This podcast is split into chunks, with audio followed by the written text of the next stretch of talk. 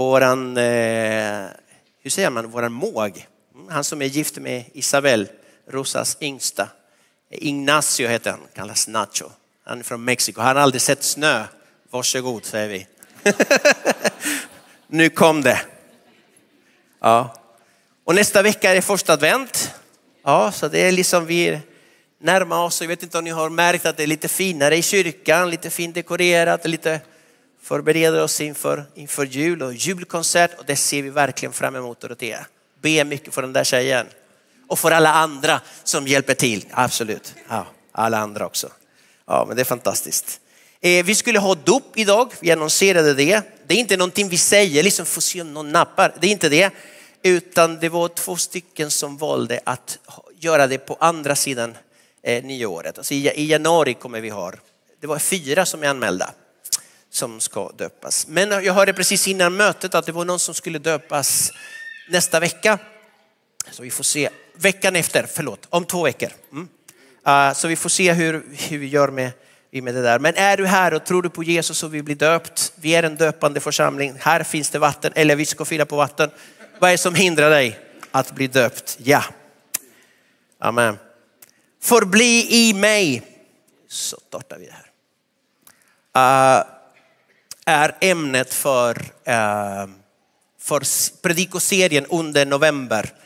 Och det kommer ifrån en bibelsammanhang som vi hittar i Johannes kapitel 15. Och när vi läser den här texten i kapitel 15, den här frasen kommer ganska tydlig. Förbli i mig. Och det verkar som att Jesus menar det. Det är någonting som han upprepar flera gånger. Så det måste vara viktigt.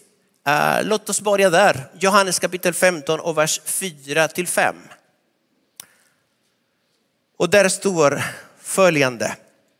Förbli i mig så förbli jag i er. Liksom grenen inte kan bära frukt av sig själv utan endast om det förblir i vinstocken så kan inte heller ni det om ni inte förblir i mig. Jag är vinstocken, ner grenarna. Om någon förblir i mig och jag i honom bär han rik frukt. Ty utan mig kan ni ingenting göra. Jag tror att Jesus menar allvar här. Jag tror att liksom han, han vill lära sina lärjungar något som är väldigt grundläggande. Det här är, det här är viktigt. Och när han säger förbli i mig, han menar att det här är något till varje troende. Det här får inte ignoreras, det här får inte nonchaleras. Förbli i mig. Okej, okay, det här har jag läst för och så vidare, men hur kan vi, hur kan vi göra det här rent praktiskt? Hur gör man detta? Hur förblir man i honom? Och jag tänkte mig tre saker som jag vill uppmärksamma. Och det första är förbli i hans ord. Förbli i hans ord. Jesus är ordet från Gud. Amen. Ja, amen. Ja. Han är livets ord. Amen, ja. Hans ord är ande och liv. Yeah, nu börjar vi. Nu börjar vi. Nu kör vi. Det känns som att vi var ettan och nu, nu är vi tvåan. Bibeln säger att vi är saliga, att vi är välsignade, att vi är lyckliga när vi närmar oss Herrens ord med glädje och hunger. Psalm 1, vers 1 till 3. Där står följande. Så här står det här. Salig är den, alltså salig, lycklig, välsignad. Wow för den som inte följer de ogudaktigas råd och inte går på syndarens väg och inte sitter bland bespottare utan har sin glädje, sin glädje i Herrens undervisning och begrundar hans ord dag och natt. Han är som ett träd planterad vid vattenbäckar som vilket bär sin frukt i rätt tid och vars blad inte vissnar. Allt vad han eller hon gör lyckas väl. Det här är bra ord alltså. det är att den som, som har sin glädje, den som läser, den som, den som längtar efter att få, att få höra från Gud och öppna sin bibel med nyfikenhet och hunger. Den personen är salig, säger Gud. Den personen är lycklig. Att förbli i hans ord, det är hur jag lyssnar till hans ord. Hur jag prioriterar hans ord i mitt liv. Hur vi förhåller oss till det han säger. Hur söker vi främst hans rike, hans planer, hans råd, hans ledning. Hur följer vi hans instruktioner? Det är vad det handlar om. Hur, hur lyssnar jag? Hur följer jag honom? Jag märker att när Jesus vandrade här på jorden, människorna reagerade när han talade.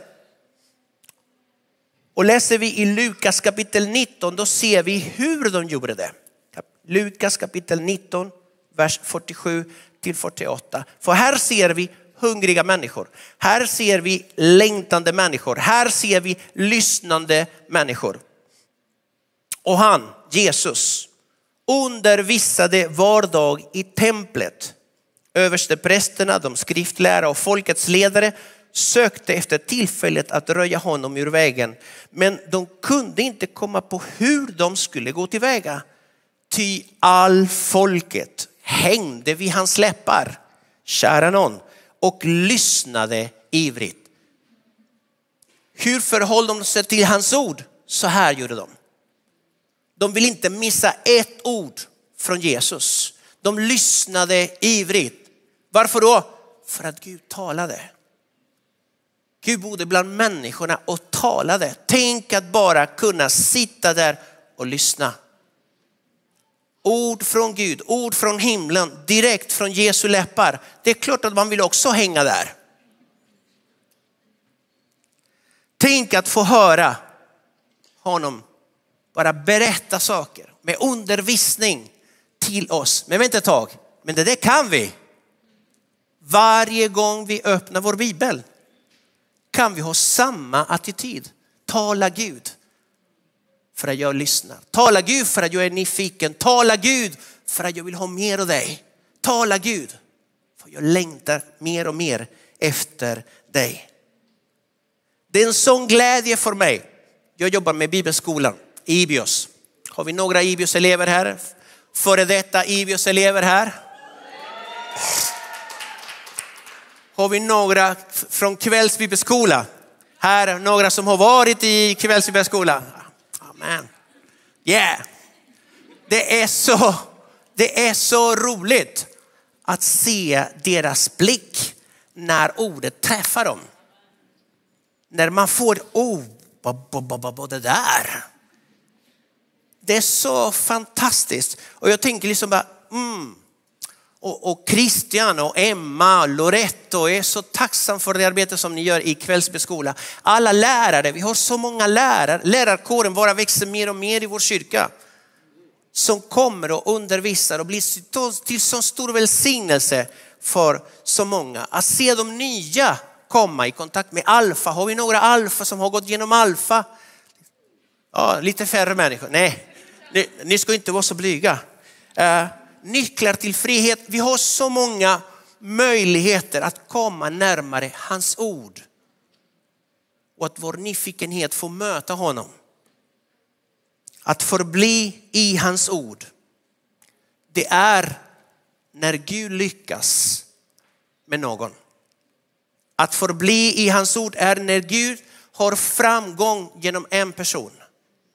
Genom att hans ord blir åtlydd Eh, jag tänker på att ordet framgång i Nya Testamentet, det hittade vi några gånger och det är nästan alltid kopplat till hans ord, till Guds ord. När Gud lyckas, då lyckas vi. Livet handlar inte om att lyckas, livet handlar om att han lyckas. Och när han lyckas med en människa, min vän, det där är välsignelse. Men det handlar om att jag lyssnar, det handlar om att jag är nyfiken, det handlar om att jag sträcker mig efter honom mer och mer och mer. Då blir jag ett fruktbärande träd. Hans ord har förvandlat mig. Gud planterar något i våra liv genom sitt ord och han förväntar sig frukter utav det. Frukterna sen kommer ha samma DNA som fröet. Gud planterar någonting, då finns det gudomlig DNA i frukterna. Och kanske ni har upptäckt, ni som är nya i tron, ni som är nyfrälsta, att det kommer inte per automatik. Att det är inte så att man blir frälst och sen boom, samma kväll, Pua, nu har jag lärt mig allt. Har ni märkt att det inte är så? Utan frukterna kommer också utifrån en relation. Så mer och mer, de här frukterna kommer bli mer och mer synliga. För att det kristna livet handlar inte om att lära sig de kristna orden, de kristna fraserna. Det handlar inte om att lära sig de kristna traditionerna. Det handlar inte om att lära sig de kristna manierna eller de kristna beteende. Så jag ser ut och jag låter som en kristen. Utan det handlar om att möta Jesus. Och det handlar om att lära känna honom och det handlar om att höra hans ord och låta hans ord forma mig. Det är vad det handlar om. För annars, det skiljer sig inte så jättemycket från någon annan religion. När han får förvandla mig, då ändras mitt sätt att tänka, mitt sätt att tala, mitt sätt att leva. Frukten återspeglar på något sätt vem han är. Vem han är. Frukterna är inte för mig, frukterna är för andra. För andra. Frukterna är för en värld som behöver mer och mer av Gud. En värld som svälter, en värld som behöver mer av Gud. Världen behöver komma i kontakt med dina frukter. De behöver komma i kontakt med dina äpplen. De behöver kontakt med dina päron. De behöver kontakt med dina jordgubbar. De kommer i kontakt med vindruvorna. Eller vad du har för frukt. Gud behöver, eller världen behöver mer av Gud genom de frukterna som växer på ditt träd. Så bjud världen på fruktsallad. Det är så det heter, den här predikan. Bjud omgivningen på fruktsallad. Att förbli i hans ord. Att förbli i hans kärlek. Det är det andra jag tänker mig. Gud älskar oss och han älskar oss på ett sådant sätt att han offrade det, det största, det högsta, det mest värdefulla, det som fanns i himlen. Jesus. För dig och mig. För lilla dig och för lilla mig. Romarbrevet kapitel 5 och vers 8. Det står så här. Men Gud bevisar sin kärlek till oss genom att Kristus dog i vårt ställe medan vi ännu var syndare. Jag vet att man kan gå igenom tuffa saker i livet. Eh, och det är väldigt lätt att säga, för det har jag också gjort. Jag vet inte om Gud älskar mig.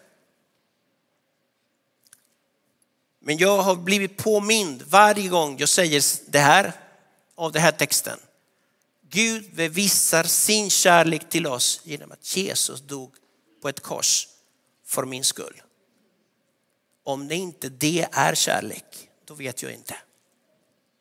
Och det gjorde han medan vi hade inte sagt eller gjort något gott alls. Utan medan vi var ännu syndare. Det där förändrar min vän, när du låter Jesus komma in i ditt liv, det där förändrar din identitet. Det där förändrar vem man är och hur man ser på livet och på andra och sen hur man ser på Gud. Du är från den stunden total älskad av Gud. Du är efterlängtad. Du är kallad av den högste. Du är Guds älskade barn i vilken han har sin glädje. Gud vet vad är som är bäst för dig. Han har en plan med ditt liv så att ditt bästa ligger inte i din hand utan det ligger i hans hand. Att lyda Herren kommer alltid att leda dig till ditt bästa. För det är det enda han vill. allt det han säger och allt det han gör för dig till ditt bästa. Så det bästa vi kan göra är att lyda honom. När han talar och vi lyder honom uppfattar han det som kärlek från vår sida. I Johannes kapitel 15 och vers 10. Det står så här. Om ni håller mina bud, om vi lyder, om vi håller, om vi håller hans bud, Förbli ni i min kärlek. Liksom jag har hållit min faders bud och förblir i hans kärlek. Att förbli i hans kärlek. Vad betyder att förbli i hans kärlek? Det är att jag börjar brinna för det han brinner för. Att jag fylls av den passion som han har i sitt hjärta. Att förbli i hans kärlek innebär också att hänge sig åt de människor som han ömmar för. Och vilka är de? Det är de utsatta. Det är de som kan inte försvara sig själv eller klara sig själva. Det är de som inte syns och det är de som inte hörs. Det är de som man vill helst. Herren säger i Matteus kapitel eh, 25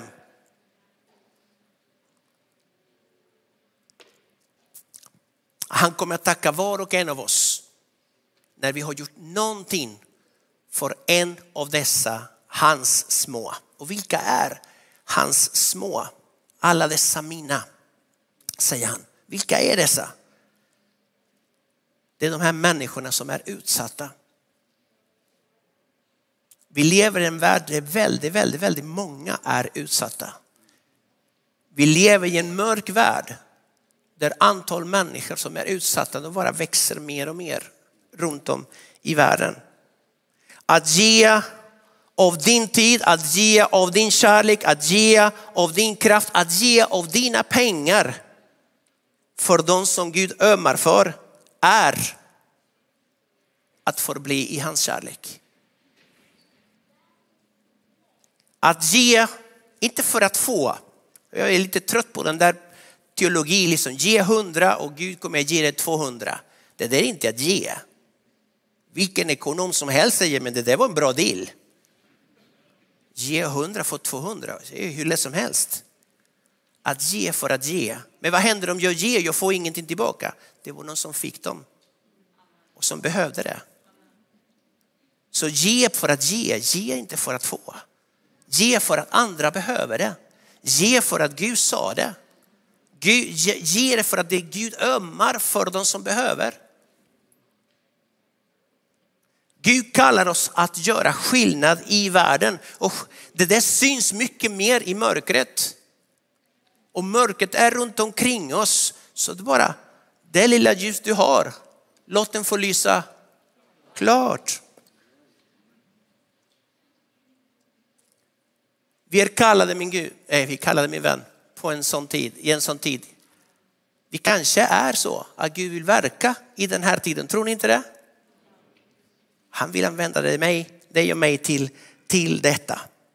Hur kan vi, och det här är en bra fråga, hur kan vi tillsammans göra det här till en bra plats, till en bättre plats för gemenskap, för människor som är utsatta så att de känner sig välkomna. Hur kan vi göra Gud synlig för andra? i denna mörka värld. Ingen kan se vinden, men man kan se vad vinden gör. Och ja, något sånt är det med Gud också. Man kan inte se Gud, men man kan se det Gud gör. Låt andra människor se det Gud har gjort i ditt liv.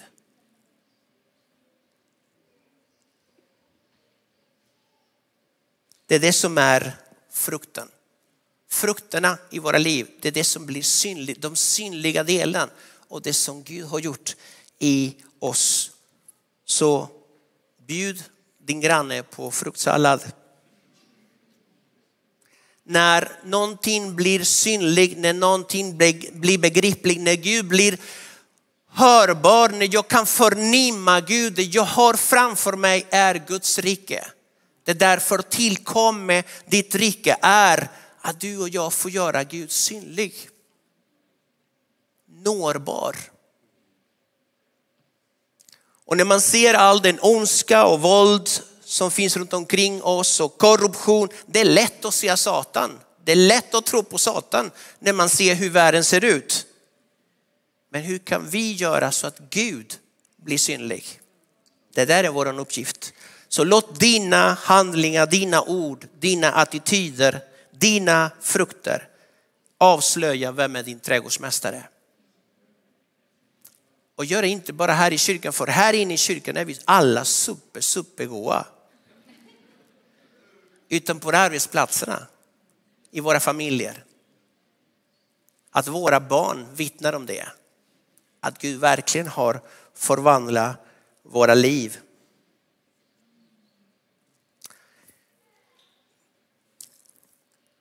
Att förbli i hans ord, att förbli i hans kärlek, att förbli i Kristus, att förbli i honom. Det är ett privilegium att ha en relation med den som har skapat, han som har skapat dig, han som har skapat mig, han som har skapat allt, universums skapare. Han som är din och min frälsare. Vilket privilegium att ha en relation med honom. Att förbli i Kristus är att inte lämna honom. Att förbli i Kristus är att jag aldrig mer ensam. Du är aldrig mer ensam. Utan han är med dig alla dagar intill tidens slut. Gud kan inte, han kan inte överge dig. Han kan inte glömma dig. Han kan inte lämna dig. Hans namn är Emanuel. Han är Gud med oss varje dag. Han kan inte, men vi kan. Där är utmaningen. Han kan inte lämna oss, men vi kan tyvärr släppa handen, släppa hans mantel, låta avstånd skapas oss emellan. Vi kan fästa vår blick på precis vad som helst men inte på honom. Han som är våran tros upphovsman och fullkomnare. Och vår uppmärksamhet kan fastna i olika saker. Det kan fastna i vad fienden har att erbjuda. Alla dessa frestelser varenda, varenda dag. Vi kan fastna i det förflutna. Vi kan fastna i våra gamla sår. Vi kan fastna i det andra säger och i det andra gör. Vi kan fastna i våra svårigheter. Vi kan fastna i våra brister och i våra tillkortakommanden. Därför säger Jesus, förbli i mig. Fäst din blick på mig, förbli i mig. Att förbli i Kristus betyder att hela min uppmärksamhet är hela tiden riktad mot honom. Att så fort någon Jesus gör ett under, det handlar inte om vem var det som bad för honom. I vilken kyrka skedde undret? Utan våran Herre gjorde ett under. Våran Herre frälste någon. Våran Herre eh, döpte någon i helig ande och eld. Våran Herre befriade någon. Jesus får all ära. Vem var det som bad? Vad spelar det för roll? Förbli i honom. Låt din uppmärksamhet hela tiden vara riktad mot honom. Det påminner mig om Maria, Martas syster, som hon väljer att sitta vid Jesu fötter bara för att njuta av stunden, bara för att få höra hans röst, bara för att vara nära, förbli i honom. Det, håll dig nära honom. Lämna inte platsen, titta inte på något annat, spring inte som Marta. Utan sitt där och lyssna till han har att säga. Njut av hans närvaro och hans ord. Förbli i honom, förbli i hans närvaro, förbli i hans namn. Du och jag är märkta av honom för att vara nära honom. Inte långt ifrån, utan vara nära. För många år sedan Rosa och jag, vi, vi eh, eh, organiserade en missionsresa till, till Island. Fantastiskt land förresten. Finns det några islänningar här? Ah, Aj, jättefint land, fantastiskt land. Och vi var där och predikade och bad för massa människor och sådär. Och då hade vi Irene med oss. En kvinna som hade blivit frälst typ något år innan. Irene, 65 år. Eh, och hon tog med sig sin gubbe, Peo. Peo var inte frälst. Och det syntes, han verkligen ville inte vara där. Det, alltså, det syntes på hela hans kropp. Det var liksom sådär. Och man tyckte så synd om honom. Så jag sa till alla, vi predikar inte för honom, vi låter honom, låt honom vara bara. Hela vi gick i en klunga och sen han liksom 50 meter efter oss. Och så här jag är tvingad hit alltså. Och sista mötet, vi skulle vara i Reykjavik och eh, predikade och sådär och då sa jag liksom att alla Hela svenska teamet skulle ställa sig där och vi skulle be för alla som ville ha välsignelse och halva kyrkan kom fram. Och då ser jag liksom stark, alltså det var stark Guds närvaro, det hände grejer och sådär och helt plötsligt här, ni vet, ser jag, är det inte P.O. som ber för någon där? Så vad, vad är det som händer? Så han är röd som en tomat, liksom, ber så intensivt, du vet, så här. Jag, jag orkar inte fråga, liksom, jag, jag, jag kollar på det här sen. Jag frågade hans fru Irene, vad var det som hände? Ja, jag var jätteorolig för hans hjärta. Han var så, han var så exalterad. Men jag märker på en gång att någonting var annorlunda. Det syntes på hans ögon. Det syntes på hans ögon, det syntes på att han var glad och helt plötsligt, han var med i klungan. Liksom. Han var tillsammans med alla oss och, och han liksom kom, du måste komma till våran kyrka. Du måste... Problemet är att han hade varit i våran kyrka. Han hade aldrig varit där. Men helt plötsligt, det var, det var som han var familj helt plötsligt. Pio hade tagit emot Jesus på något av mötena utan att vi visste om det. Och han tyckte liksom, nu är jag kristen, nu ska jag be för andra. Och då gjorde han det och när han bad, då kom himlen över honom och över den stackars islänningen som han bad för. förbli i mig. Kommer vi i kontakt med Gud, det är, alltså, det är omöjligt att inte bli påverkad. P.O. blev en annan människa. Det syntes på frukterna, man såg äpplena på en gång där. Låt Gud förvandla våra liv. Alltså blir vi passionerade liksom för, för det som Gud älskar och att välsigna andra människor. Att förbli i hans ord, att förbli i hans kärlek, att förbli i honom, i hans närvaro, i hans namn. Det här med att förbli kan man se det på tre olika sätt, tänkte jag mig. Förbli i, i Jesus som ett alternativ. Jag kan välja. Man kan välja Jesus eller man kan välja bort Jesus. Man kan välja något annat istället för Jesus.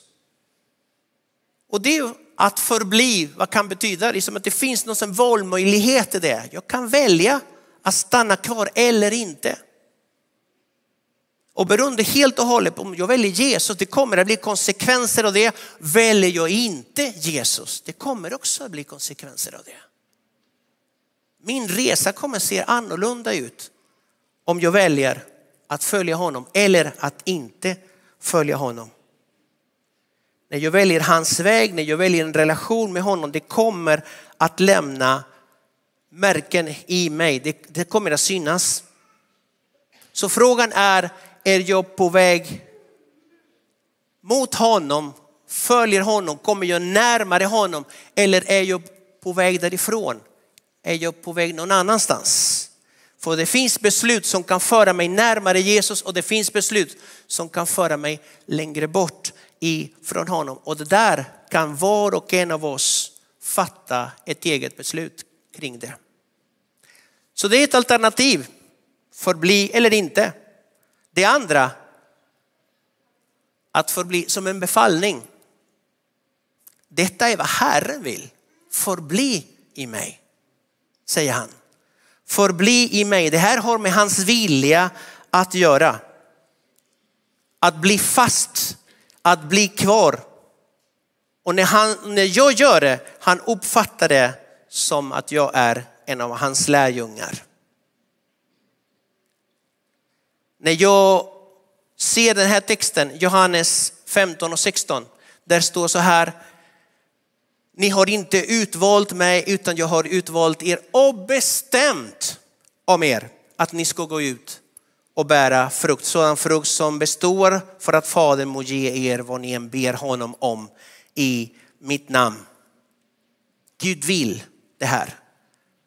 Det här är, det har med hans vilja att göra, att vi väljer honom. Om vi fortsätter troget den valda riktningen och den här kursen, om vi hänger oss och vi committar oss till honom, kommer vi också att få se resultat utav det. Ett bra exempel på det här, det är ur församlingen, de första kristna. Hur gjorde de det? Ja, I Apostlagärningarna kapitel 2 och vers 42, det står så här. De troenden, de höll troget fast, de förblev. De höll troget fast vid apostlarnas lära, alltså de förblev i ordet, gemenskapen, de förblev i kärleken, vid brottsbrytelse, de delade livet med varandra och bönerna. De förblev i Kristus genom att söka tillsammans. Så det här är som ett alternativ, det här är som en befallning, men också som en inbjudan. Det här är en inbjudan från, från Jesus. Han inbjuder oss till att upptäcka vem han är och vilka han är. Vår sanna identitet och vårt sanna värde finns hos honom. Det är så relationer funkar. Sista versen, och jag ljuger inte nu, det är Johannes 15. 14 till 15, Det står så här, ni är mina vänner. Det här är inbjudan. Ni är mina vänner om, om ni gör vad jag förfaller er. Jag kallar er inte längre kännare eftersom kännaren inte vet vad hans herre gör. Vänner kallar jag er, till allt vad jag har hört om min fader har jag låtit er veta. Ni är mina vänner. I den relationen blir vi påverkade och han har ett inflytande över våra liv. Han säger så här i missionsbefallningen att ni ska predika evangeliet, ni ska döpa dem och sen ska ni lära dem att hålla allt, att förbli. Det är vad vi ska göra. Vi ska lära andra människor, hjälpa andra människor att förbli i honom, att förbli i hans ord och att förbli i hans kärlek. Och med det säger jag Amen.